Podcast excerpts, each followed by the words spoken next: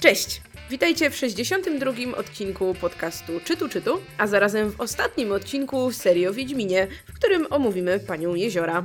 Po tej stronie mikrofonu jest Ocia, a po dwóch przeciwnych y, stronach tego trójkąta siedzą Megu, autorka kanału Katus Gikus i Kasia Czajka, autorka bloga Zwierz Popkulturalny oraz podcastu ZVZ. Dzień dobry. Dzień dobry. Jeszcze nigdy to przedstawienie nie było tak idealne bez jednego zająknięcia, bez jednej pauzy na zastanowienie się. Jestem pełna podziwu. Myślę, że powinnyśmy zacząć od e, dania sobie braw. Jej, udało nam się, dobrnęłyśmy do samego końca sagi. Udało nam się omówić wszystkie Jezu, czekajcie, teraz liczę siedem? Siedem tomów? Siedem. Siedem, tak. siedem książek, tak. I akurat zdążyłyśmy przed premierą serialu, bo jeszcze jest chwilka czasu. Tak, jest pewnie około tygodnia w momencie, kiedy słuchacie tych słów, no chyba, że trafiliście na podcast na przykład po serialu, co też jest fajnym pomysłem, wtedy, wtedy jesteście po, my jeszcze jesteśmy przed. No dobrze, moje drogie, to może zacznijmy od takich naszych pierwszych wrażeń. Jak w ogóle ten tom wspominałyście, jak teraz ponowna lektura y, zweryfikowała wasze wspomnienia? I może ja tu zacznę od Kasi, która już na początku naszych przygód z tym cyklem deklarowała, że to jest jeden z tych tomów, których nie pomija podczas ponownej lektury. Tak, bo ja ten tom bardzo lubię, chociaż nadal jakby ten tom ma pewną irytującą cechę, polegającą na tym, że kończy się ta historia cztery razy bodajże. E, I to jest tak trochę więcej zakończeń niż Władca Pierścieni, tak? Natomiast nadal są, jest to, jest to powieść, której są jedne z moich ulubionych scen. E, Być może dlatego, że teraz czytając ponownie tą książkę zdałam sobie sprawę, że tutaj Sapkowski sobie najbardziej chyba pozwala na pewne paralele w stosunku do tego, co, co działo się w Europie po, po wojnie. E, I ten konflikt Nilfgaardu z Nordlingami, z jak się ich wymawia? O, Nordlingami. dziękuję, Nordlingami, mm, staje się jakby takim wielkim konfliktem, który kończy pewien świat, zaczyna pewien nowy e, i, i zwłaszcza te, te sceny pod koniec książki, które dotyczą ustaleń królów, które dotyczą tych rozliczeń, no dla mnie i, i, i pewnych nastrojów, które pojawiają się po wojnie, dla mnie jako osoby, która no, zajmuje się historią, są jakby dotykają jakiegoś takiego czułego mojego punktu, e, takiej rozpoznaję w tych zjawiskach rzeczy, które znam z historii. To A. E, Po drugie, nie wiem, mam takie wrażenie, że to jest taka powieść, w której udaje się Sapkowskiemu w kilku miejscach stworzyć naprawdę coś bardzo, bardzo dobrego literacko. Ja naprawdę absolutnie uwielbiam. e, Ja nie lubię scen batalistycznych w powieściach, natomiast tutaj tą bitwę pod Brenną, która jest opowiadana z bardzo wielu punktów widzenia, w tym e, z punktu widzenia lekarzy leczących w wojskowym lazarecie, to jest dla mnie, to jest dla mnie taki, moim zdaniem to jest jeden z najlepszych rozdziałów w ogóle całej sagi. E, mimo, że nie ma tam żadnej z głównych postaci, to też jest, e, to też jest bardzo ciekawe. I lubię początek te, tej, tej, tej, tej książki, zwłaszcza, zwłaszcza no, ten pobyt naszej grupy w tym takim baśniowym państewku i tego Wiedźmina, który wraca do zajmowania się swoim fachem. E, Mam wrażenie, że to mi z kolei przypomina bardzo też pewne elementy i nastroje z, z opowiadań. E, Nie mówię, że to jest tom bez wad, nie mówię, że nie ma tam dialogów, przy których bolą mnie zęby, nie mówię, że nie ma tam scen, które mnie które mnie w ogóle wydaje mi się, że powinny być dużo bardziej dramatyczne, ale wciąż wydaje mi się, że to, co udało się Sapkowskiemu doskonale w, tej, w tym tomie, to takie towarzyszące nam poczucie właśnie schyłku, domykania się pewnych rzeczy, zamykania się pewnego kręgu. I, I też widzę w tym tomie tak dużo, po prostu tak dużo różnych nawiązań, aluzji, em, już takich nie, nie czasem bardzo śmiesznych, jak ci królowie, którzy przerzucają się łacińskimi sentencjami w tym mitycznym świecie. Em, ale nie, ale muszę powiedzieć, że ja nadal bardzo, bardzo ten tom lubię. Być może też dlatego, że ja bardzo lubię.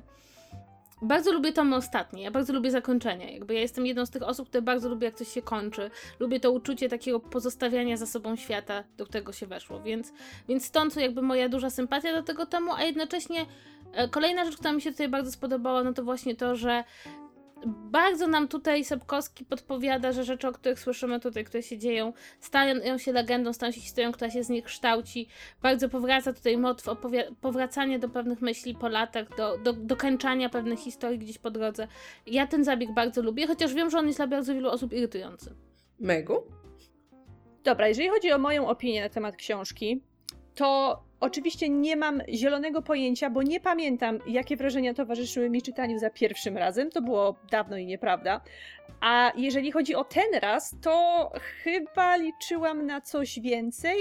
To znaczy, oczywiście spodziewałam się, że to nie będzie mój ulubiony tom sagi, bo już ustaliłyśmy, który jest ten ulubiony i to niczego nie zmieni. E, jednakże Eee, skoro to jest ostatni tom i nic już po nim nie ma i on domyka wszystkie wątki i ma być super epicki w ogóle, to miałam nadzieję, że zostawi we mnie więcej pozytywnych odczuć. Eee, tym razem chyba dałam się trochę skonfundować eee, tym wszystkim różnym zmianom w konstrukcji i tym różnym zabiegom narracyjnym, które tam zachodzą, żeby uczynić e, całą fabułę jeszcze bardziej e, żeby ją trochę dofajnować i trochę dofajnować to, w jaki sposób, w jakim sosie jest podana, bo tam mamy różne zmiany koncepcji, tam mamy różne zmiany punktów widzenia, e, różne wydarzenia są opowiadane oczami różnych postaci i nie wiem, czy to właśnie o to chodzi, czy po prostu te wszystkie wydarzenia, e, jak na taką grubą książkę, mam wrażenie, że nie dzieje się tam aż tak wiele. To właśnie wpłynęło na to, że e, nie jestem jakaś super, super zachwycona, ale nie ukrywam, że owszem, łzami się na koniec e, w oku zakręciła, że to już, to, już, to już po wszystkim więcej nie będzie i że z tymi wszystkimi bohaterami trzeba się rozstać. Ale jeżeli chodzi o takie zabiegi koncepcyjne, które niby mnie tam skonfundowały, to na przykład te wszystkie retrospekcje, które pojawiały się przed śmiercią konkretnej postaci, e, to mi się podobało, bo tam każdy miał taki nagły powrót do przyszłości e, i no, nie ukrywam, najbardziej tutaj mnie wzruszył e, moment ze śmiercią Kahira. To znaczy, bardziej mnie wzruszyła ta retrospekcja niż sama jego śmierć, bo ja uważam, że ona tak słabo wybrzmiała. Nie wiem, czy też tak, też, też tak czułyście, ale ja tak chciałam, żeby tam on trochę więcej przeżył. Na przykład, nie wiem dlaczego ja pamiętałam, mam wrażenie, że za pierwszym, e, za pierwszym czytaniem było tak, że to jego spotkanie z Ciri było jakieś takie bardziej znaczące, że tam się coś więcej wydarzyło, że padło, nie wiem, padły, padło więcej słów albo jakieś bardziej emocjonalne były te opisy, ale sobie to chyba sama w głowie dopowiedziałam, bo tutaj tego w ogóle nie było. I też z kronikarskiego obowiązku wypada nadmienić, że o ile Milwa, Kahir, potem Geralt i Yennefer y, mają te swoje takie y, scenki y, przypominania sobie pewnego epizodu z życia przed śmiercią, to Regis i Aguelme, Aguleme, no ta, ta, ta, ta blond dziew, dzieweczka tego, tego nie mają. I nie wiem, czy to wynika z jakiejś niekonsekwencji, czy Sapkowski zrobił to celowo, bo na przykład nie miał pomysłu na to, co tym posta postacią pokazać, albo tak po prostu, tak po prostu sobie wymyślił, że, że, że nie będzie. Zastanawiam się, dlaczego. Ja, myśl, ja myślę, że to ukryte przekazanie nam, że Regis tak naprawdę żyje, co potem wdrożyli twórcy gry, no bo hej, stwierdzili, że przecież to jest potężny wampir wyższy, więc no dobra, tam poleżał chwilę w grobie i się poregenerował, ale koniec końców nic mu nie jest. Więc ja to sobie tak tłumaczę w głowie, to jest mój headcanon, że Regis jak najbardziej przeżył, no bo come on, jeśli taka potężna istota poddałaby się tutaj pierwszemu lepszemu zaklęciu, no to, no to słabo, no mało epicka śmierć by to była. Ale generalnie ja muszę powiedzieć, że no ten tom nie należy do moich szczególnie ulubionych. To znaczy jasne, czwarty wciąż jest najgorszy, ale no w tym piątym tomie dalej jest dużo takich po pierwsze zapychaczy, których moim zdaniem już w tym tomie nie powinno być, bo on i tak jest dość gruby i tak jest tu wiele interesujących rzeczy, więc y, sporo dałoby się wyciąć, okroić. No i znowu mamy tutaj właśnie te zabiegi takie narracyjne, gdzie autor sobie nagle wymyśla, a że to będzie teraz pisał jako ktoś tam, a potem nawet w ramach tego jednego tomu o tym kompletnie zapomina. No i ten tom zaczynamy, znaczy zaczynamy, ją, zaczynamy go Ciri i Galahadem i to jest spokoj, to przynajmniej wraca, to jest klamrą, ale potem mamy całą tą akcję z Nimue i Kondiramurs, które są tak totalnie zbędne w tej książce i patrzą się na obrazy i opisują nam wydarzenia, które no my i tak potem będziemy oglądać oczami innych osób, albo już widzieliśmy je oczami innych osób. I generalnie no przywijają się na początku dosyć mocno, później tak jeszcze co jakiś czas spadają, a później w sumie autor zapominał o tym, zapominał o tym, że one gdzieś tam były. I to nie tak, że ten ich wątek ma jakąś puentę, że one na końcu coś jeszcze tam stwierdzają, nie, one są potrzebne tylko do tego momentu, kiedy ich droga drogi przecinają się z Siri, kiedy ona skacze przez czas, no i tyle. Do, do widzenia. Fajnie że, fajnie, że poświęciłem im 100 stron, nie? Nie, no ale to jest trochę, to znaczy ja się tu nie zgodzę, no to jest trochę puenta ich wątku, tak? No jakby ich wątek polega na tym, że mamy kobietę, która spotkała Ciri, kiedy ona skakała przez te czasy i to stało się obsesją jej życia. E, I jakby domyka się tutaj ta klamra, więc ja, dla mnie to nie jest wątek bez puenty. Puentą jest to, że one e, odtwarzały to tą historię stały się jej częścią. E, I bez nich właściwie Ciri nie dotarłaby no, tam, gdzie kończy się, kończy się opowieść. E, a inna sprawa to wydaje mi się, że on, to znaczy, pomijając fakt, że on się pojawia na samym końcu, kiedy rozważają, prawda, to zaklęcie Tris, prawda, czy, czy była tam sama, czy nie, to wydaje mi się, że to jest dosyć ważne, jakby jako myśl przewodnia tej historii całej. To znaczy, że to się zamienia w legendę i, i to, co my tutaj, że tak jak to, to ta rzeczywistość, która się zaczyna tworzyć w chwili, w której bohaterowie powoli zaczynają odchodzić, coraz bardziej odchodzi od tego, co my wiemy, że się zdarzyło. Pod tym względem Wydaje mi się, że cały ten tom jakby jednak wpisuje się trochę w to, co czytamy na początku. One rzeczywiście występują mniej, e, ale nie uważam, żeby to był wątek zupełnie bez puenty. Znaczy, ja rozumiem, ja rozumiem o, o co o ci chodzi, bo ja y, trochę się tutaj z nią zgadzam, e, że ten wątek nie zostaje, do końca nie, zostaje do końca wykorzystany, ale to głównie dlatego, że ta jego puenta, e, jak, na, na, jak na tą ilość stron, która zostaje mu wcześniej poświęcona, jest umieszczona za wcześnie że więcej miałoby to dla mnie sensu i na pewno o wiele silniej i bardziej zrozumiale by to dla mnie wybrzmiało, gdyby zakończenie, e, to takie, e, wiecie, e, najbardziej znaczące zakończenie wątku, wątku Nimue i Cor Corviramus było na końcu. Ja wiem, że one tam powracają, ale, ale to jest tylko taki komentarz z zakadru, który bardzo przypomina te ich wcześniejsze rozważania i tak trochę tonicznie mi to już w tym momencie nie pasuje, bo skoro ten finał ich, ich wątku nadszedł o wiele wcześniej, to to, że one teraz po prostu wpadają tylko po to, żeby wygłosić parę komentarzy i parę rozmyślań na temat tego, jaki to był czar i czy ktoś tam był Stris na tym, na tym wzgórzu, kiedy je rzucała, e, no to, e, to tak e, strasznie mi, straszny rozdźwięk tutaj czuję. Mnie by się podobał ten zabieg, że to jest, wiecie, że to jest ta legenda i że właśnie to jest takie jakieś inne spojrzenie na tę historię, gdyby, i tu znowu wracamy trochę do poprzedniego odcinka, autor wpadł na ten pomysł wcześniej i y, to był jakiś konsekwentny zabieg, a nie, że przy pisaniu piątego tomu stwierdził, a dobra, to dorzućmy sobie jeszcze to i jeszcze to i jeszcze tamto, no bo kurczę, te, ten tom tego w tym momencie dla mnie w ogóle nie potrzebuje, no fajnie, że miał taki pomysł, ale no jak dla mnie to pasuje po prostu w tym momencie do tej historii jak, jak kwiatek do kożucha. No i, no i wiecie, jakby czytam ten tom, jestem zaangażowana w to, nie wiem, co się stało z Ciri po tym, jak przyszła przez portal, co się stało z Geraltem i jego ekipą, jak byli gdzieś tam, a tu znowu autor zaczyna książkę i pierwsze, nie wiem, 100 stron się nic nie dzieje, bo jakieś panie gapią się na obrazy i wiecie, i dowiadują się jakieś pierdło o ich życiu, typu, o, tu jest król rybak, którego nikt nie może ruszać, o, byłam najlepsza w szkole z czegoś tam. No jakby, przepraszam, no ale kogo to w tym momencie obchodzi? No nie, sekundkę, ale to nie jest tak, że powieść ma. Znaczy, nie, dla mnie to jest e, z kolei takie założenie, że w powieści po prostu ma być jak najwięcej akcji i fabuły i wszystko ma się toczyć jak najszybciej. I, i nie, dla mnie, dla mnie akurat ten zabieg nie jest bardzo ciekawy. To, że, że tutaj pojawia się ta cała historia Wiedźmina i Ciri jako legenda i to, że one tutaj ma, jest czyjąś obsesją i ta osoba stara się odtworzyć i y, jest mnóstwo jej wersji. Dla mnie to było bardzo ciekawe, jakby przyznam szczerze, że jest w tej książce dużo rzeczy, których można się czepiać, na przykład mm, zakończenie. I to nie zakończenie zakończenia, ale plan, e, tożsamość cesarza Nilfgaardu, kto jest po prostu za przeproszeniem z dupy.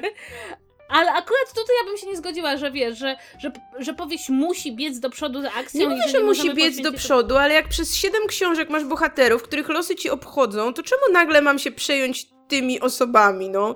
Nie musi się coś dziać, ale musi mnie obchodzić. Nie wiem, dla mnie, dla mnie to na przykład było bardzo. Znaczy, ja uważam, że akurat ja, ja lubię ten zabieg, ja go bronię jak, i uważam, że on jest fajny i że w pewnym momencie, no. To nie jest tak, że tylko poznajesz te bohaterki, ale za pośrednictwem ich poznajesz także to, co się właściwie dalej stało z tą historią e, i, i, jak ona się zmieniała, jak stawała się baśnią. Dla mnie, dla mnie to jest na przykład bardzo ciekawe i mnie to obchodzi. Jakby. Nie wiem, no Trudno powiedzieć, no inaczej ewidentnie to odczuwamy tutaj, ale ja nie mam takiego wrażenia, żeby to był taki te, jakieś zbędne strony, przez które czytasz o czymś, co ci totalnie, jest totalnie bez, bez znaczenia. Dla mnie generalnie, wiecie, połowa tego tomu jest zbędna, bo już jakby e, pomińmy ten wątek, e, gdzie tu już powiedzmy, no ka ka każdy ma swoją, e, swoją stronę i tyle, ale później jest cały ten wątek Ciri, która najpierw jest gdzieś tam, a potem znowu właśnie skacze przez te czasy i o mój Boże, to znów jest takie przyciągnięte, jakby, no wiemy, wiemy już o co chodzi, wiemy, że się zgubiła i dostajemy te obrazki, które mają być, nie wiem, śmieszne, które mają być jakimiś mrugnięciami okiem do czytelnika, że o, tu wylądowała bez współczesności. O, a tu wylądowała gdzieś tam. O, patrzcie, tutaj rzeczy, rzeczy, które potem, o tu choroba. Się... Nie wiem, po prostu wiecie, czytałam te pierwsze 200 stron ze strasznym bólem, no. Czekając aż będą, znaczy pomijając zimowanie, zimowanie jest super, ale ta cała reszta nie. To znaczy, no ja znaczy, no muszę się tutaj z Ocią zgodzić. Dla mnie ten tom y, ma troszeczkę za dużo zbędnych elementów, a przynajmniej takich części historii, które można było skrócić. To skakanie Ciri przez światy, rzeczywiście, powtarzalność tego mechanizmu y, jest o, już po paru stronach jest bardzo nużąca.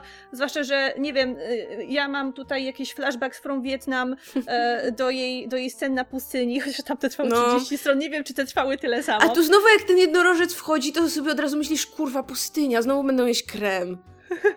A, a powiedzcie mi, byłyście w stanie rozpoznać te wszystkie czasy, do których ona się przeniosła? Bo dla mnie to nie było zwykle takie oczywiste. Ty mówisz chociaż, że się przeniosła do współczesności, ale który to było No, w sensie współczesności tak y, z, tam jest cudzysłów, bo chodziło o tego jakiegoś angielskiego rybaka na początku XX wieku bardziej, wiesz, chodziło mi, że wiesz, nasze A to, czasy aha, mniej więcej, okej. nie? Okej, okej, rozumiem. Znaczy, y, to, co mi się podobało, ja bym zachowała ten fragment o tej dżumie przenoszonej przez pchełki, czy jakakolwiek inna choroba to była, bo tam on, bo to potem wraca z tym kotem i z tą pchełką, która gryzie jego właścicielkę na sam koniec i to było, to było, to było nawet całkiem fajne.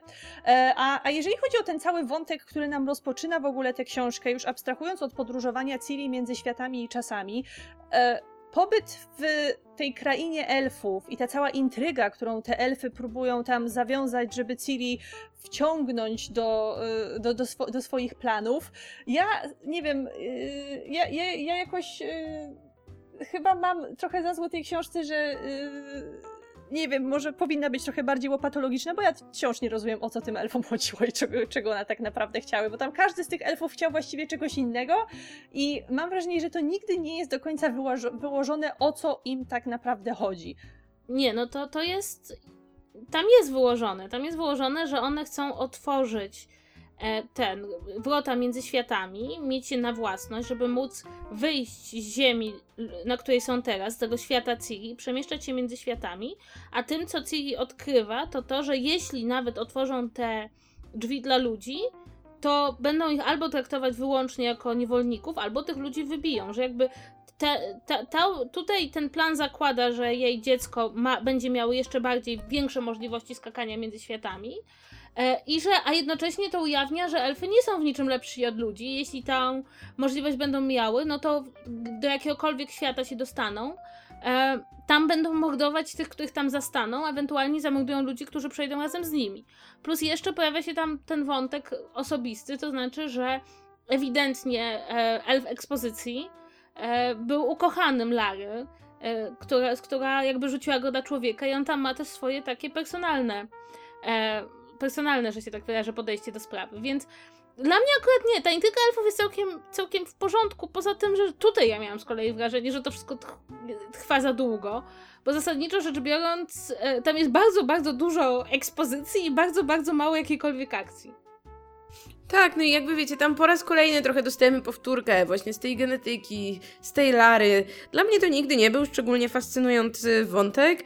Jakby bardziej mi się podoba, nie wiem, taka walka o Ciri, powiedzmy polityczna, prawda? Gdzie każde stronnictwo chce ją mieć dla siebie, bo dzięki temu może uzyskać to, albo gdzieś z kolei komuś przeszkadza, bo jej obecność jest niewygodna. I jasne, fajnie, że gdzieś tam w tle jest ten wątek jakiegoś tego jej dziedzictwa, co uzasadnia, dlaczego na przykład ma takie umiejętności, jakie ma, ale potem właśnie czynienie z tego takiego mm, tutaj, wiecie, robienie jakby rozdziału całego, czy kilku rozdziałów wokół tego, właśnie coraz bardziej pogłębianie tej, tej magicznej sfery, no to kurczę, nie ukrywam, że to, to, też, to też nie było dla mnie wciągające. O mój Boże, czemu w tym tomie nic mi się nie podoba? nie, no dobra, potem będą rzeczy, które mi się podobają. Znaczy, ja, moim zdaniem e, problem polega na tym, że jakby tutaj mamy trzy strony i każda z nich chce od Ciri dokładnie tego samego i każda z nich czuje się w obowiązku wytłumaczyć Ciri, że chce dokładnie tego samego, twierdząc, że chce zupełnie czego innego. To znaczy, zarówno czarodziejki, jak i, e, jak i elfy, jak i Wilgerforce chcą od Ciri tego samego, to znaczy chcą jej dziecka, no w przypadku Wilgerforce'a to tylko łożyska, prawda? Wilgerforce nie, nie potrzebuje dziecka na wychowaniu. E, I jakby każdy z nich mówi, nie, nie, ty kompletnie nic nie zrozumiała, chcemy od ciebie czego innego, po czym mówi dokładnie to samo, co prostu pozostali, co my już i tak wiemy, bo zdążyliśmy z różnych informacji e, się wcześniej dowiedzieć. Dobra, idąc dalej, e, Kasia, bo ty przed chwilą powiedziałaś, że to rozwiązanie z tym, że cesarzem okazuje się być Duny jest głupie. Ja od razu powiem, ja jestem człowiek prosty, ja jestem bardzo łasym człowiekiem na takie twisty, w których wychodzi, że ktoś tak naprawdę był człowiekiem, którego znaliśmy od samego początku, ale o tym nie wiedzieliśmy. Więc ja to kupuję. W tym przypadku jest to podane e, za słabo i w niekoniecznie e, dobry sposób. To znaczy, ja bym to napisała zupełnie inaczej, jak gdybym miała pisać tę scenę, bo tak mam wrażenie, że człowiek nie ma nawet możliwości, żeby zrobić legasp, to był przez cały czas on, bo to tak wchodzi tak, tak, tak strasznie, tak strasznie nagle. E, nie wiem, co, wiecie, ja się wychowałam na szkole pisania twistów J.K. Rowling, więc przyzwyczaiłam się do zupełnie czegoś innego. I dlaczego to jest takie głupie według Ciebie? Bo to nie jest tak, że mi to tak do końca nie pasuje. Mi się po prostu forma podania nie do końca podoba. Ale tam nie ma, tam nie ma foreshadowingu przede wszystkim. Tak, dla mnie to jest przede wszystkim taki recykling postaci. To znaczy, jakby ja miałam wrażenie, że pod sam koniec e, Sapkowski usiadł do swojej książki, wchodzi cesarz, mówi, że zabiera Ciri, mówi, że Wiedźmin ma zginąć i w tym momencie Sapkowski tak siedzi i myśli sobie, hmm, doprowadziłem wszystkich do sytuacji bez wyjścia. Hmm, kim może się okazać cesarz? Hmm, kto był jeszcze w tej powieści? Kto był? A, sekundkę! Ten bohater, który właściwie nie istnieje, bo Dune nie istnieje w żaden sposób. E, w kwestii ceny to jest postać, która ma do powiedzenia dwa zdania. Ja teraz przepiszę jego historię i zrobię go kimś kompletnie innym, bo potrzebuję takiego, takiej wizji, że to wszystko od samego początku było zaplanowane, ale ja nie mam poczucia, żeby to było zaplanowane. Widzisz, gdyby to było odpowiedni foreshadowing, gdyby tam wcześniej pojawiały się jakieś wątki, które pozwalałyby nam sądzić, że coś, takie, że coś tu jest na rzeczy, to spoko. To ja bym uznała, że Sapkowski naprawdę miał taki plan od początku do końca. A tu mam wrażenie, że on jakby retroaktywnie przepisuje historię z własnych opowiadań, bo potrzebuje, żeby ten cesarz był kimś ciekawszym, był kimś innym. I dla mnie, dla mnie to jest bardzo słabe. Ja to uważam, że to jest jeden z najsłabszych e, przejawów pisarstwa, kiedy ktoś zmienia historię, którą poznaliśmy, nie dlatego, że za, że to logicznie coś się stało, tylko dlatego, że potrzebuje, żeby jakaś postać była kimś zupełnie innym i nagle się dowiaduje, że och, nie, nie, mogliście tego wiedzieć i nie mogliście tego przypuszczać i nie mogliście się tego domyśleć, ale uwaga, uwaga, i Ksiński tak naprawdę jest kimś zupełnie innym. E, i, tak, i, dla mnie, I dla mnie też jest to, to jakby jeśli weźmiemy pod uwagę całą tą historię, to jak prawda, ten cesarz robi no niesamowite rzeczy, żeby Ciri porwać, i potem nagle się okazuje, że to tak naprawdę był jej tata i że mu się zrobiło głupio, bo to, to mam takie na zasadzie, że moim zdaniem Sapkowski się w tym momencie zapędził w kozi róg i po prostu nie miał co zrobić z tą sytuacją i skończył ją w sposób moim zdaniem kompletnie kompletnie nieprzystający jakby do całej tej wielkiej polityki, która, która jest, która się toczy przez pozostałe tomy i do tego, jakiego cesarza znamy. Więc nie, ja uważam, że akurat ten element powieści jest moim zdaniem najsłabszy i najbardziej taki e, troszeczkę pod Deus Ex Machina, nie wiem, jeż z machiny, no to może nie Jeż z machiny. Machina w kształcie jeża. To znaczy, ja nie będę rozdzierać szat w obronie Sapkowskiego, ale e, na jego obronę powiem tylko tyle, że w poprzednim tomie mamy tą całą akcję, kiedy Yennefer domyśla się, co się stało tak naprawdę ze statkiem i dlatego ona zostaje porwana w ten sam sposób, więc na tym etapie Sapek musiał już, moim zdaniem, wiedzieć, kto będzie tym cesarzem, skoro yy, no, ona tam odkrywała, co się stało ze statkiem Dunego i Pawetty, więc on musiał wtedy już wiedzieć, że to jest Duny. Może nie wiedział tego od samego początku, kiedy tylko Duny się u niego pojawił w opowiadaniach, ale to nie jest tak, że zrobił to dopiero w ostatnim tomie. Ja i tak uważam, że to nie wystarcza. W sensie, wydaje mi się, że takie rozwiązania mają mm, nie wiem, więcej przynoszą satysfakcji czytelnikowi, nawet jeśli ten czytelnik się nie domyśli, jeśli choćby później, czytając książkę po raz kolejny, widzi, gdzie tam są te wskazówki porozrzucane i myśli sobie, mmm, faktycznie autor to sygnalizował, faktycznie mogłem, y, mogłam się domyślić, a tutaj jakby, no wiesz, z samego tego faktu, że ten statek coś tam, no to mogło wyniknąć, że, no nie wiem, nie zginęli od razu, że torturował Wilgefortz, milion różnych rzeczy mogło z tego wyniknąć, a właśnie przez to, że Duny nigdy nie był postacią, no to jakby ta genialna postać tego cesarza, tego stratega i tak dalej, i tak dalej, no to nigdy nie mamy szans się domyślić, że halo, halo, to może być ten sam typ. To jest jedna rzecz. A druga rzecz, to moim zdaniem ta historia właśnie w ogóle tego twistu nie potrzebowała. I, i gdyby to był po prostu, wiecie, ce ce cesarz, prawda? Ten, ten człowiek, o którym myślimy przez całą książkę, tak jak myślimy, który przecież równie dobrze też no na końcu spojrzał na to biedne dziecko i też mogło zmięknąć mu serce, nie tylko dlatego, że jest jej ojcem, tylko no z różnych innych przyczyn, nie wiem, mógł nawet kiedyś mieć podobne dziecko, cokolwiek.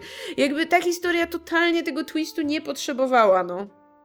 Tak, zwłaszcza, że jakby jeśli się nad tym pomyślimy, no to właśnie e, ta, ta scena, gdyby, jeśli, jeśli można bronić tej ostatniej sceny z płaczącą Ciri, to ona jakby dosyć dobrze pokazuje różnicę pomiędzy kwestią stanu, o której się mówi, pomiędzy jakąś wyimaginowaną dziewczyną, z którą weźmie ślub, a pomiędzy tą realną dziewczynką, której musi zrobić krzywdę. Musi ją zabrać od jej rodziców i zabrać do swojego świata i wykorzystać. I to zgadzam się z Osią, to by się równie dobrze mogło sprawdzić, dobrze sprawdzić, gdyby tam nie było żadnego ojca, gdyby tam jakby nie było tak, ja bardzo nie lubię, kiedy jest jakaś w autorze taka maniakalna potrzeba wykorzystania jeszcze raz wszystkich postaci, które pojawiły się chociaż na chwilę e, wcześniej, bo to, to kompletnie nie jest tu potrzebne e, i takie jest też, poczułam się, ja właśnie to, co uważam, Ocia ma rację, ja się poczułam oszukana, to znaczy jeśli w pewnym momencie ktoś robi taki twist, nie, nie dając wcześniej znaków, które można odczytać, to mam wrażenie, że w ten sposób to już wszystko tam się mogło wy, wydarzyć, prawda? Mógł przylecieć statek kosmiczny i zabrać ich wszystkich w przestrzeń. Jakby e, uważam, że to jest właśnie taki błąd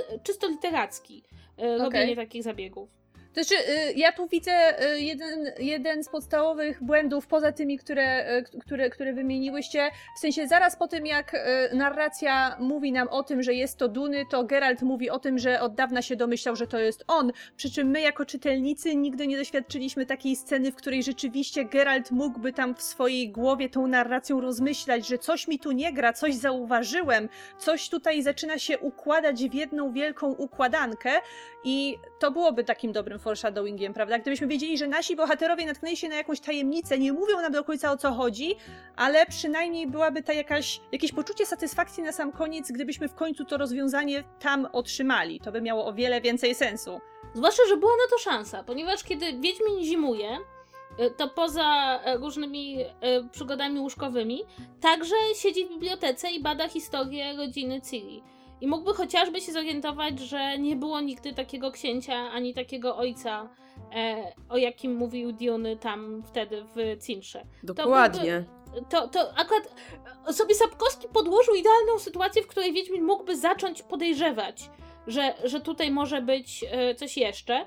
E, I nawet nie wiem, czy nie byłaby to lepsza inspiracja do ruszenia w dalszą drogę, e, niż podsłuchiwanie e, tego, podsłuchiwanie rozmów. To dopiero jest Deus no. Bo to jest, bo to jest takie na zasadzie, prawda, jakby co, muszę pchnąć Wiedźmina w drogę, to niech stanie dokładnie w tym miejscu i przyłoży ucho dokładnie w tym miejscu, to wysłucha dokładnie tej rozmowy, której musi wysłuchać dokładnie w tym momencie. Wiecie, kogo mu tam zabrakło? Hermiony mu tam zabrakło, bo on w, bibli w bibliotece potrafił uprawiać tylko dzikie seksy, nie wiedział, do czego tak naprawdę mogą posłużyć mu te książki. O, to ja wykorzystam tę okazję, żeby powiedzieć coś miłego i bardzo lubię scenę dzikich seksów w bibliotece. Jest świetna, jest świetna. Uważam, że Sapkowski tutaj po prostu e, te nazwy, tytuły książek, które się... Uwagi tak. o śmierci niechybnej, które mnie zawsze... No, to jest jedna z lepiej opisanych scen miłosnych, jakie w życiu czytałam. No w Wiedźminie moim zdaniem zdecydowanie najbarwniejsza i najbardziej zapadająca w pamięć, co nie zmienia faktu, że ja nie lubię Fringilli. Ale ja uważam, że ten wątek z Fringillą jest dobry. Jest tam kilka różnych bardzo fajnych e, rzeczy. Jedna to jest taka... Um, w której jakby ona wymusza na Wiedźminie coraz to inne komplementy i kiedy Wiedźmin jakby zaczyna grać nią to, z tą grę, a drugie to kocham to, że em, to, to, to, co się dzieje, kiedy się okazuje, że Wiedźmin nie powiedział, w którym to jest zamku. O to tak. jest tak cudowny wątek, kiedy ona, kiedy one tam, chyba Filipa mówi, że każde, jak tu jesteśmy, zostały kiedyś paskudnie oszukane przez mężczyznę i mamy takie poczucie, z jednej strony kibicujemy Wiedźminowi, a z drugiej strony mężczyźni są koszmarni. Ale wiecie co, ja w tym wątku, o ile właśnie doskonale rozumiem Fringillę, która na początku no, ma po prostu tam wydusić z niego informacje, czy ma go zatrzymać, generalnie no to traktuje go, prawda, jako pionka, działa tutaj z ramienia tej loży, no a potem no jednak, co by nie mówić, zakochuje się w nim i widać moim zdaniem, że ten jej żal później, że on odchodzi jest szczery, ale powiem wam, że ja strasznie nie rozumiem postawy Geralta trochę, w sensie on tam jej w jakimś momencie wyznaje miłość, a jednocześnie co jakiś czas, no, czy tam przynajmniej raz nazwał ją imieniem Yennefer i tak niby mu szkoda, ale potem do Yennefer mówi, że w sumie to nie był z nikim i w ogóle nic nieważnego, bo tylko ona się liczy. Powiem wam, że ja kompletnie nie czaję tutaj postawy Wiedźmina w tym momencie. Znaczy możemy się zabawić w takich domorosłych psycho- psychologów, bo ja nie pamiętam tej sceny, żeby on, on jej tam wy, ten, wyznawał miłość. Mi się wyznaje, jeżeli, jeżeli cokolwiek tam zaszło, to to, że Fringilla sama sobie wyobraziła, że on jej to powiedział, albo tak zinterpretowała jakieś jego słowa, ale y, nie powiedziałabym, że on to kiedykolwiek zrobił w taki szczery sposób. No i jak dla mnie, no to on, y, on w tej relacji próbował jakoś po prostu wyleczyć się z tęsknoty za Yennefer, e, bo nie, nie wiem, czy on już jeszcze wtedy wierzył, że ona mogła, mogłaby, mogła go zdradzić, e, w sensie, że, że zdradziła Ciri i zdradziła jego Natanet, czy to już wtedy było jasne, że ona tego nie zrobiła? Bo Chyba wiedział, że nie zrobiła. no bo, no bo to po, po, po prostu w takim razie yy, mógł próbować się tak wyleczyć z tęsknoty za nią, bo nie wierzył już, że ją odzyska, na przykład. I Znaczy, mi się wydaje, że w, w momencie, w którym Wiedźmin dociera e, do tego księstewka, on jest bardzo zmęczony, bardzo zgorzkniały. Pamiętajmy, że pod koniec czwartego tomu to Wiedźmin już tak bardzo zaczyna mało przypominać Wiedźmina i bardzo widać w nim e, właśnie takie, takie utratę w ogóle wiary w to, że on odnajdzie kiedykolwiek Ciri i utratę wiary, że w ogóle cokolwiek mu się uda, bo jakby jego główne źródło informacji ginie. I wydaje mi się, że dla Wiedźmina to jest taka trochę terapia i to, co on mówi do tej czarodziejki, to dla mnie, kiedy on mówi, że tam, że nigdy innej, on chyba tam nie mówi, mówi, że jest pierwsza, czy coś takiego, to dla mnie to jest takie jasne, że to jest taka gra, w której udajemy, że rzeczy, które wydarzyły się w naszym życiu e, nie są prawdziwe, że, że te, ten cały bagaż, jaki za sobą niesiemy, e, nie ma znaczenia, tylko oddajemy się zapomnieniu. Tylko, że właśnie jakby potem, kiedy Wiedźmin rozmawia z Yennefer, nie mówi jej, że nie miał żadnej innej, tylko że zawsze o niej myślał. I mam takie poczucie, że jakby ja widzę trochę z punktu widzenia Wiedźmina, że, że ten romans ma w sobie coś takiego, no spróbuję zapomnieć, spróbuję jakby e, oddać się czemuś, co nie ma większego sensu, ale jest miłe i po, pozwala mi odejść od tego zgorzknienia, podobnie jak mordowanie potworów w, tej, w tym państewku.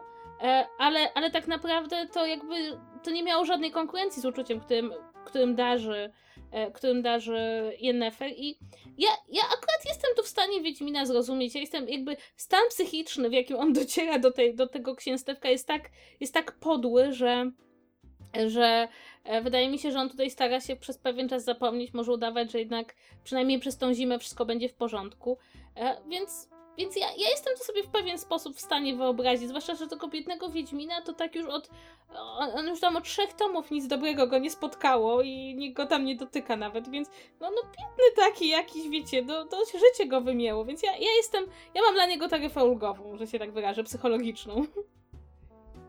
No, ale powiem wam, że abstrahując już od samego tego wątku miłości czy zauroczenia między Fringillą a Geraltem, to ja generalnie, to jest mój ulubiony, ulubiona część piątego tomu. Zimowanie w Toussaint i to, jak te wszystkie postacie mogą wreszcie odetchnąć od wydarzeń poprzednich tomów, jak mogą trochę, trochę tak wiecie, zaznać trochę swobody, trochę wrócić do takiego dawnego życia, które w żadnym innym miejscu w tym okresie, który się toczy przy wojnie i tak dalej, nie byłoby możliwe, tylko w tym, tym maleńkim księstewku na uboczu, w takiej niemalże takiej baśniowej scenerii, gdzie Geralt wreszcie po, po wielu e, tak naprawdę tomach przerwy znowu może być Wiedźminem, znowu może po prostu trudnić się swoim fachem.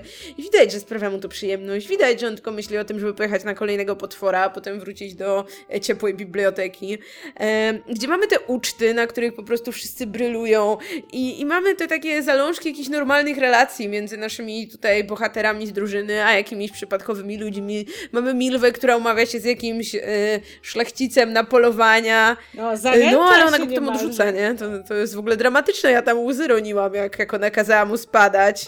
Ja też, było mi tak strasznie smutno. Oni tak dobrze do siebie pasowali. E, No, mamy tego Kahira, który tam usługuje jakimś panną i Angulem, która tam opowiada najśmieszniejsze żarty na uczcie. I generalnie to jest ten moment, że czy, zwłaszcza czytając po raz któryś, to kurde, chciałoby się, żeby oni tam po prostu zostali. Jakby, jakby naprawdę, no wszystkim, wszystkim żyłoby się lepiej. Po co Wiedźminowi to cała Ciri? E, nawet Yennefer, jak widać, nie jest mu szczególnie potrzebna. A dla wszystkich innych, no to już definitywnie lepiej by było, gdyby po prostu siedzieli na dupach tam, a nie włóczyli się po świecie, bo nic dobrego ich już później nigdy nie spotkało. No ale wiesz, gdyby tam zostali, to prawdopodobnie e, arcyksiężnej e, Annie Harrietcie coś by odbiło w pewnym momencie i wszystkich by ich skazała na szafot, bo miała taką e, pani tendencję. No nie wiem, może z kolei to oni trzymaliby jaskra w ryzach, żeby nie robił nic głupiego. Hmm. Podobała mi się ta scena ratowania później, czy nawet nie ratowania, on chyba nie musiał być do końca Tak. uratowany, ale e, droga jaskra na szafot i generalnie ten włosek, który go dzielił od śmierci, to było, to było fajne. Tak, i cały ten e, dialog o tym, że nie odpuści, dlaczego miałby odpuszczać.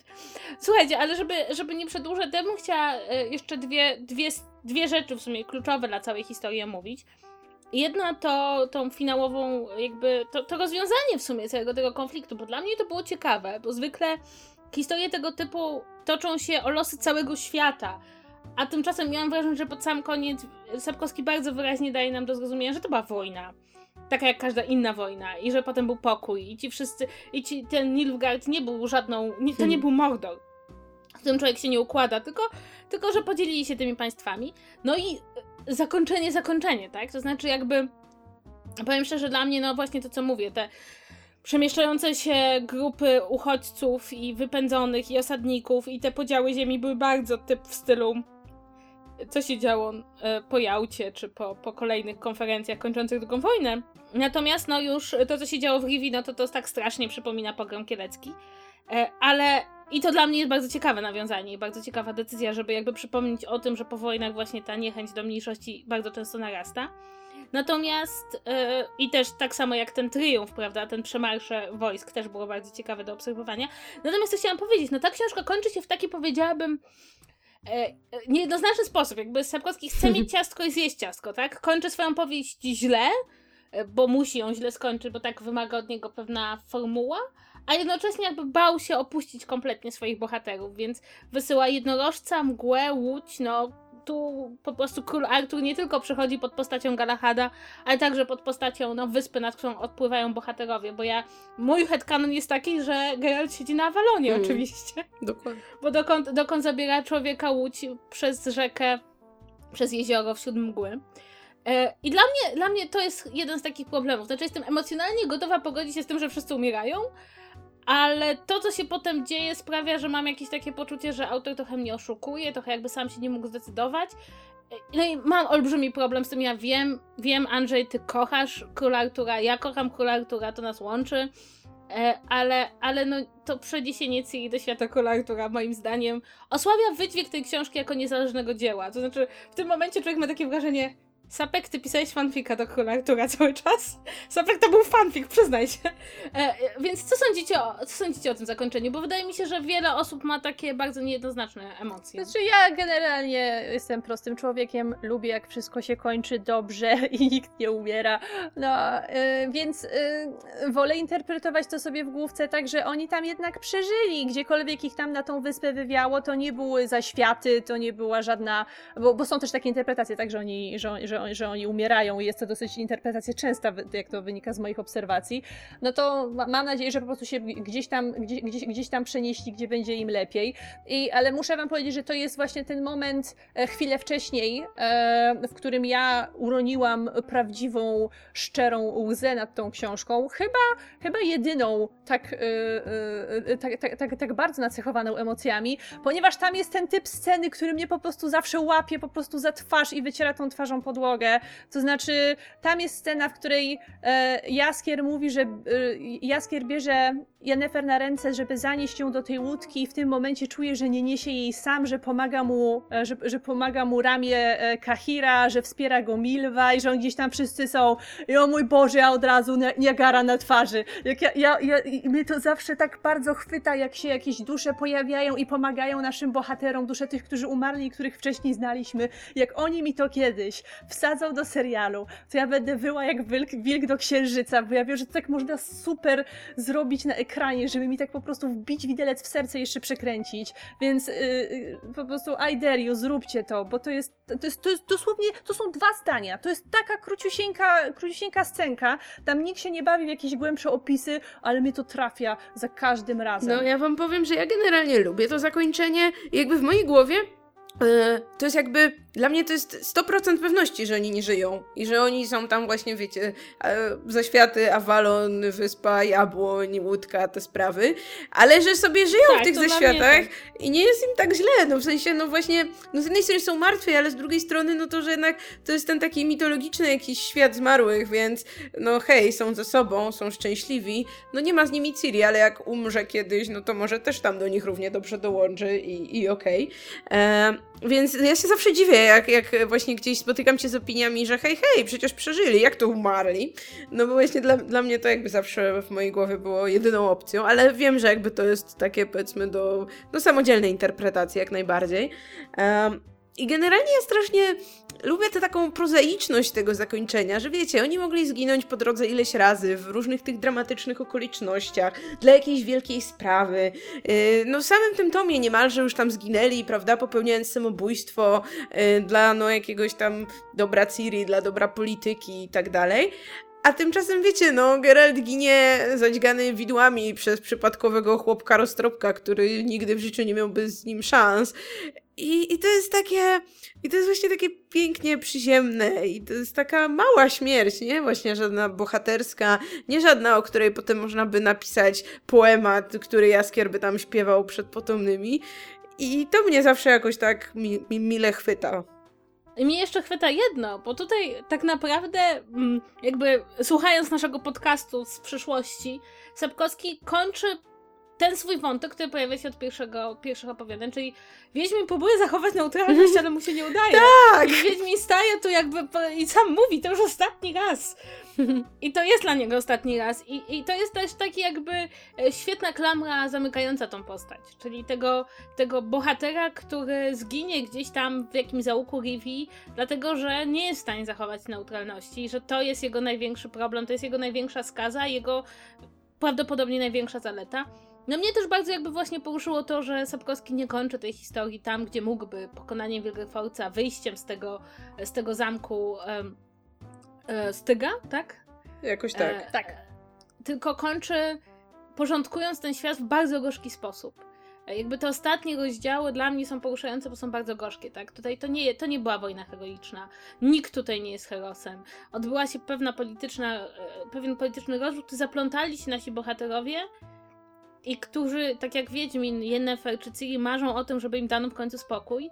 I ten świat im nie chce dać spokoju, tak? Nie, to nie chodziło o to, żeby zabić Wilgefortza, to nie chodziło o to, żeby pokonać cesarza, nawet nie chodziło o to, żeby znaleźć się razem w jednym miejscu, w tym świecie żadne z nich nie zazna spokoju. I moment, w którym człowiek sobie zdaje z tego sprawę, czytając te ostatnie rozdziały, staje się takim momentem, w którym zdaje sobie sprawę, że to się nie może dobrze skończyć, że, że, że nie ma dobrego zakończenia, tak? Że to nie umrą, nie umrą, nie ma dla nich w, ty, w, te, w tym świecie, w tym rzeczywistości Ciri, Geralt i Yennefer nigdy nie będą mieli spokoju, mimo że oni bardzo go pragną.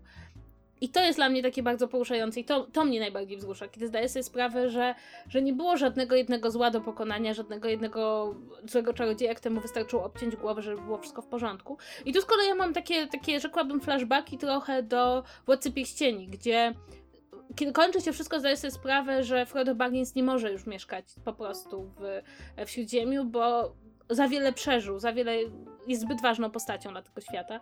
I on musi odejść, wsiąść na łódkę i odpłynąć. Więc, więc mam tutaj takie poczucie, że być może jeszcze poza tym wątkiem arturiańskim jest tutaj wielki ukłon do, do, do najbardziej klasycznej pozycji gatunku. E, no ale, ale też ja pod koniec czuję jakąś taką niesamowitą smutkę, smutek i pustkę, bo, bo to jest takie zakończenie w stylu no, no, no koniec, tak? Więcej nie będzie, te postacie odchodzą z tego świata, idą zupełnie gdzie indziej i, i to była ich opowieść i musisz żyć z tym, że więcej nie będzie, bo, bo se, nawet sezon Bush, nawet gdyby istniał, a nie istnieje, to opowiada historię, która dzieje się dużo wcześniej I, i, i to jest odważne też, prawda? To znaczy, to jest autor, który mówi, to była ta historia i nie będzie więcej. I zamykam ją i, do, i zamykam drzwi i odchodzę i odchodzę z moim fanficzkiem do świata. do świata Artura. Ja jeszcze chciałam powiedzieć, bo tak dotarło to do mnie w sumie właśnie w tym momencie, jak tu sobie tak rozmawiamy, dlaczego te niektóre elementy tego tomu mi przeszkadzają, a dlaczego inne z kolei podobają mi się bardzo. Bo ja chyba w całej tej sadze, tak już troszkę też podsumowując, najbardziej właśnie lubię to takie, wiecie, to, to, to co przyziemne, to co takie ludzkie, tylko tam ubrane sobie w jakieś tam te szatki fantazy. I właśnie dlatego w tym domie tak strasznie lubię te, te elementy... Mm, właśnie tej takiej szarej, okropnej rzeczywistości, ale też tych prawdziwych relacji między bohaterami. Bardzo lubię właśnie ten fragment, o którym Kasia mówiła na początku, czyli tej wojny, którą po pierwsze mamy pokazaną z różnych perspektyw, no i to nie jest taki właśnie też obraz wojny w glorii i chwale, to jest raczej ten obraz tego kurzu i brudu i odciętych kończyn. To są wspaniałe te sceny, sceny z lazaretu, no bo mało kto ukazuje wojnę od tej właśnie strony, nie od strony tylko tych właśnie dzielnych żołnierzy, czy mm, sprytnych dowódców, ale właśnie od strony tych na samym dole łańcucha pokarmowego, no, którzy robią co mogą, najczęściej niewiele mogą, a jeszcze na końcu najprawdopodobniej właśnie ktoś im się wpakuje do szpitala i albo ich, albo tam ich podopiecznych wyróżnie, bo tak.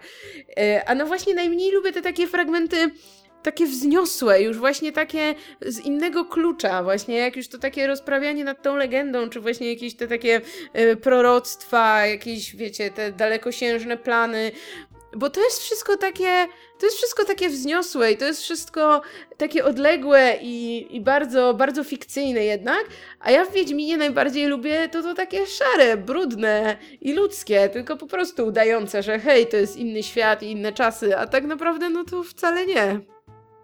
Przy czym mam takie wrażenie jeszcze, że w tym, w tym tomie najbardziej Sapkowski pozwolił sobie na, na te swoje nawiązania do naszej rzeczywistości. Tam po prostu ilość zdań, nawiązań, haseł, postaci, które możemy sobie przepisać na rzeczywistość. Ten, ten prawda, regis mówiący o me ame cum porto, prawda?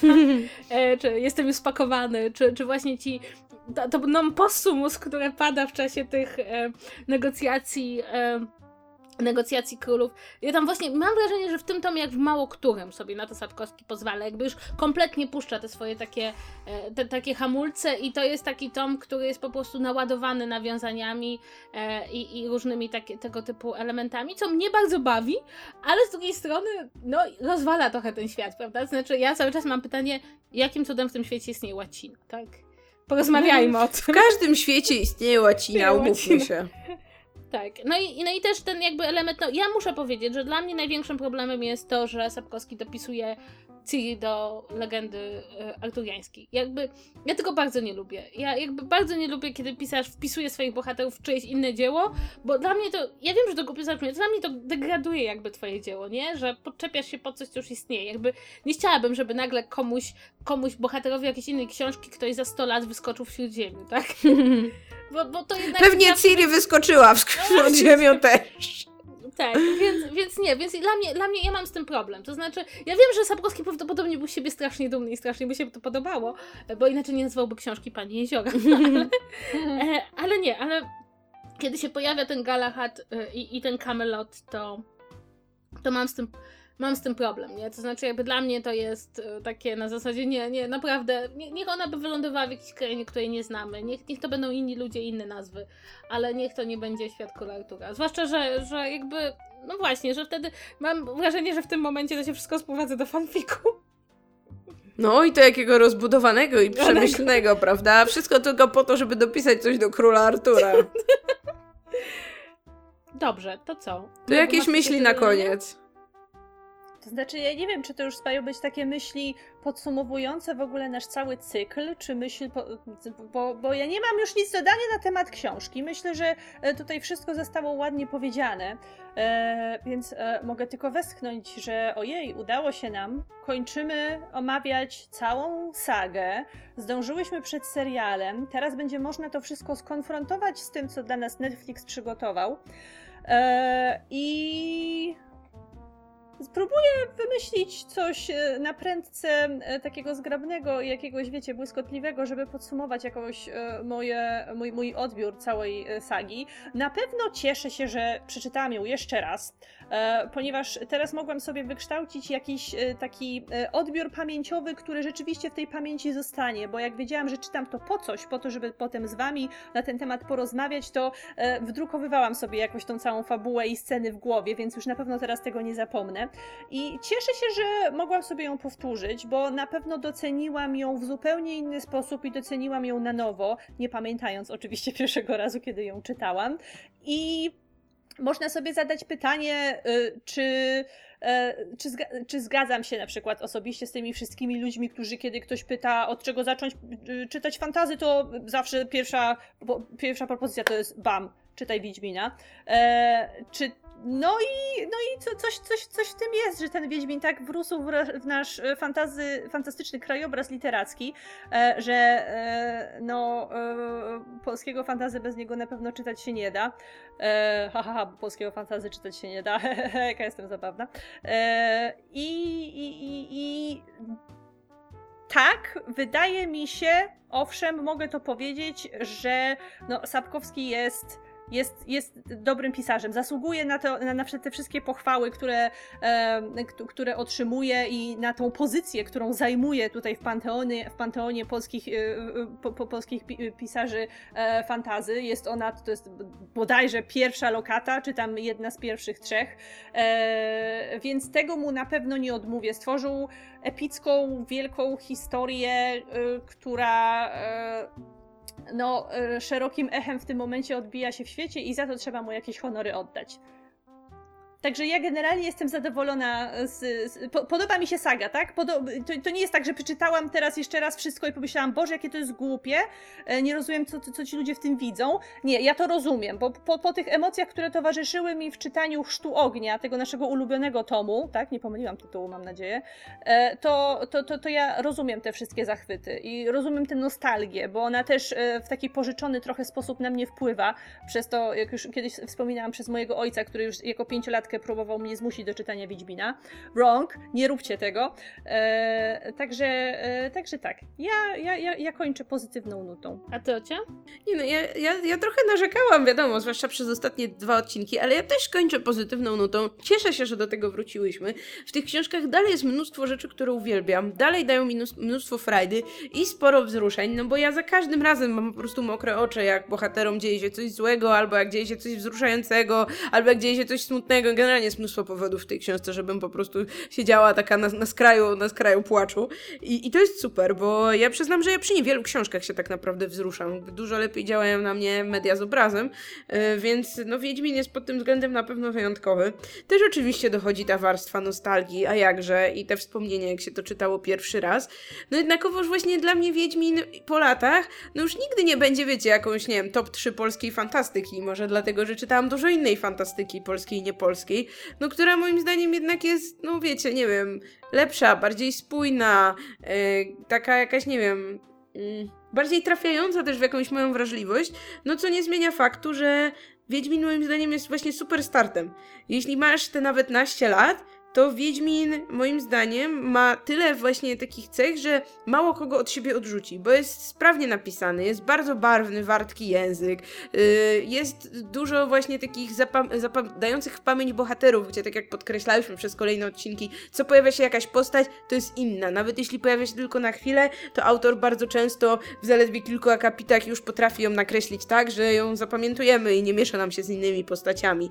Jest, są właśnie i te wątki, intrygi i, i magia i miłość, no jakby wszystko tu jest. Wszystkie po prostu e, grzyby są w tym kotle i, i fajna potrawa z tego wychodzi, ale wydaje mi się, że no już nigdy nie zachwycę się tą książką tak samo jak wtedy, kiedy miałam lat 15, no bo po prostu się nie da, no za dużo przeczytanych książek, za dużo też może właśnie mojego gustu przesuniętego w troszkę inną stronę i tak mam tutaj mnóstwo szacunku, mnóstwo sentymentu, ale zwłaszcza po tych dwóch ostatnich tomach, no nie byłoby to już nigdy moje jakieś, nie wiem, top 5 najważniejszych książek w moim życiu. A ja z kolei e, jakby czytając teraz sagę, przynajmniej ja, ja w przeciwieństwie do was ja ją czytałam kilka razy pomiędzy 13 e, rokiem życia, kiedy przeczytałam ją po raz pierwszy, więc jakby miałam powroty więcej, więcej, więcej niż jeden raz, e, to zorientowałam się, że pewne rzeczy, które mi się podobały, mi się już kompletnie podobają i rzeczywiście się z tego wyrasta. I rzeczywiście zgadzam się, że do pewnej nastoletniej wrażliwości, która okruch lodu jest w stanie przyjąć jako ładny, e, już nie wrócę. Natomiast z czasem od, odkrył przede mną, jakby odkryła przede mną saga elementy, które wcześniej uważałam za trudniejsze, za gorsze, za słabsze. E, I to są te elementy, w których Sapkowski gra z mitem, gra z toposem, gra z klasyką mm, fantazy, w którym nawiązuje pewien dialog, w którym się postmodernistycznie bawi pewnymi elementami, które muszą się pojawić w fantastyce. E, I mam wrażenie, że to jest bardzo ciekawe, ponieważ zgadzam się z tym, że Sapkowski jest niezłą książką na początek, bo ja jakby sama czytałam ją jako chyba mój piąty czy szósty spotkanie z fantazy jako, jako gatunkiem, ale jest jeszcze lepszy, jak masz ten bagaż i nagle zaczynasz widzieć, do czego on pije, do jakich wątków, do jakich postaci, do jakich tropów, do jakich toposów, e, od kogo pożycza, z kim się kłóci, kogo wyśmiewa, m, mm, które zdania są zaczerpnięte z e, jakich momentów historii w literaturze, kto tutaj się nagle zaczyna nam przewijać. E, I muszę powiedzieć, i, i na przykład ja bardzo cenię to, to, to, to na przykład ty, Ocia, ty tego nie lubisz, te, czy, czy Megu, zmiany tych perspektyw, te różne zabawy, e, to ja to na przykład bardzo lubię, mi się to bardzo podoba, bo ja już znam historię, znam już fabułę, znam już akcję, już, już przez to przeszłam, więc teraz się mogę na tym skupiać i mnie to bawi, mi się to podoba. E, I powiem szczerze tak, że dla mnie Wiedźmin zawsze będzie jedną z tych książek, które, w których znajduję fragmenty, które są tak bliskie mojej wrażliwości, że, że nie potrafię o niej myśleć zupełnie, znaczy, nawet jeśli wiem, że to nie jest dobre, nie potrafię o tym myśleć zupełnie krytycznie. E, to czytanie teraz sprawiło, że zaczęłam jakby patrzeć na to dużo bardziej analitycznie e, i wyłuskałam dużo bardziej to, co mi się naprawdę podoba i podoba mi się niezmiennie. E, natomiast są pewne rzeczy, do których musiałam się głęboko pogodzić, jak na przykład to, że wszystkie te wątki miłosne, emocjonalne, romansowe, które się pojawiały w Wiedźminie, które były dla mnie kiedyś wyznacznikiem tego, jak się powinno pisać takie wątki, no wyrosłam. Wyrosłam, zdecydowanie wyrosłam. Myślę, że do Wiedźmina jeszcze będę wracać e, co najmniej kilka razy w ciągu swojego życia, mam nadzieję. E, I mam nadzieję, że on też coś tam jeszcze będzie dla mnie miał, może za, za kilka czy kilkanaście lat.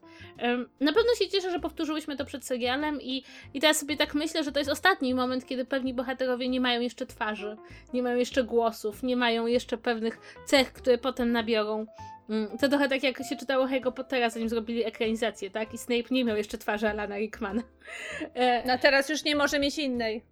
Powiem wam, że mimo, że oczywiście czytałam Pottera przed ekranizacją, to ja już tak. nie pamiętam innej twarzy tak. Snape'a, jakby przepraszam. Nie, to nie jest, no. ale to, to tak jest, to, to, to robimy ekranizację i I cieszę się, że się załapałyśmy jeszcze na te ostatnie hura naszych, naszych wyobrażeń i na tych, i, i tych bohaterów, którzy nam się tylko gdzieś tam ćmią z tyłu głowy. Jeszcze nie wiemy, jakie mają dokładnie rysy twarzy. E, jeszcze Jaskier może wygląda bardziej jak Zamachowski niż jak ten Jaskier z Netflixa. O nie, nie. Więc, to więc była to dla mnie podróż wielka sentymentalna. Bardzo się cieszę, że ją odbyłam. Bardzo się cieszę, że ją odbyłam z wami, bo to też jest trochę tak, że e, jest taki moment, w którym trzeba się przełamać i zacząć rozmawiać o książce, którą się bardzo lubi i nawet przyjąć słowa krytyczne. E, I wydaje mi się, że to nigdy nie, nie zubaża odbioru, tylko go wzbogaca, bo, bo nawet wtedy, kiedy się kłócimy czy nie zgadzamy, to musimy odpowiedzieć na pytanie, dlaczego uważamy, że coś było fajne, tak? A nie zachwycamy się tak po prostu, więc, więc to może będzie też zachęta dla tych, którzy się boją dyskutować o swoich ulubionych książkach, nie bójcie się. To nie, jest, to nie boli aż tak bardzo. Tak jest. Jakoś dałyśmy radę, mimo że tutaj nasze opinie często wcale nie były takie jednolite. A myślę, że tak pod sam koniec to nawet się dałyśmy, y, udało nam się całkiem nieźle pokłócić. Znaczy wam. Ja byłam tylko bezstronnym obserwatorem. O nie, już, już nigdy więcej się do siebie nie odezwiemy. No, to, to, to chyba tyle, jeśli chodzi o tego typu podsumowania. No, e, jestem, jestem bardzo ciekawa, jak sobie serial poradzi z niektórymi wątkami, z niektórymi scenami, z niektórymi postaciami, bo e, tak też po przeczytaniu całej tej sagi myślę sobie, że serial wcale nie ma prostej e, rzeczy do, do zrobienia i, i, i że jest tam dużo rzeczy, które mogą sprawiać scenarzystom trudność, ale też dużo miejsc, w których będą się mogli popisać kreatywnością, bo tam są jednak luki w tej opowieści, więc można je... Ja mam takie ciche nadzieje, może scenarzyści nas słuchają, jakby skończyli za, zakończenie odrobinę zmienili zmienili. I tak wcześniej zaczęli hintować, kto jest kim, to mogliby poprawić Sapkowskiemu ten błąd. No, kto wie, jeszcze bardzo długa droga do zakończenia, prawda? No dobrze, to to jest ten moment, kiedy chyba my już musimy podziękować Wam, słuchaczom, że byliście z nami przez ten sezon. Mamy nadzieję, że byliście, że nie mówimy teraz do pustego pomieszczenia, bo tak trochę głupio by było. Mamy nadzieję, że może chociaż parę osób przeczytało Wiedźmina dzięki nam. Może nie miały tego w planach, a tutaj po prostu brak jakichkolwiek innych tematów czytu, czytu zachęcił kogoś, żeby sprawdzić, o co tyle szumu. No jesteśmy ciekawi, jakie są ogólnie Wasze wrażenia, zarówno z tego tomu, jak i z całej sagi, czy właśnie może czytaliście czytaliście po raz któryś i wasze wrażenia się zmieniły, czy może czytaliście po raz pierwszy, a może wcale teraz nie czytaliście, tylko sobie po prostu przypominaliście całość dzięki naszym omówieniom, żeby się przygotować do serialu. Tak więc dawajcie znać, jak to z wami było i jakie miejsce zajmuje Wiedźmin w waszym serduszku. Tak, jeszcze na sam koniec chcemy was poinformować, że nie będzie odcinków poświęconych e, sezonowi Bush, ani też e, tym opowiadaniom, które zostały nadesłane e, na konkurs wiedźmiński. Sezon Bush po prostu, żadna z nas nie ma na to siły i energii, zresztą on jakby moim zdaniem nic nie wnosi do historii, którą tutaj opowiedział nam Sapkowski, a z kolei te opowiadania nie są autorstwa Sapkowskiego, są no, wydanymi fanfikami tak naprawdę i No i tutaj jakby w ogóle jakby trochę nie ma, moim zdaniem nie ma sensu ich omawiać, zwłaszcza, że omawiamy to trochę w kontekście serialu, który jednak będzie czerpał z materiału wyjściowego, który Sapkowski przedstawił w Sadze. No dobrze, to y, dziękujemy wszystkim za uwagę. Pamiętajcie, że możecie znaleźć nas na Spotify, na YouTubie, na naszym fanpage'u na Facebooku e, i e, możecie pisać maile na kontakt małpa czytu.pl. W takim razie do usłyszenia kiedyś, być może. I miłego oglądania serialu. Pa, pa! Pa! Pa!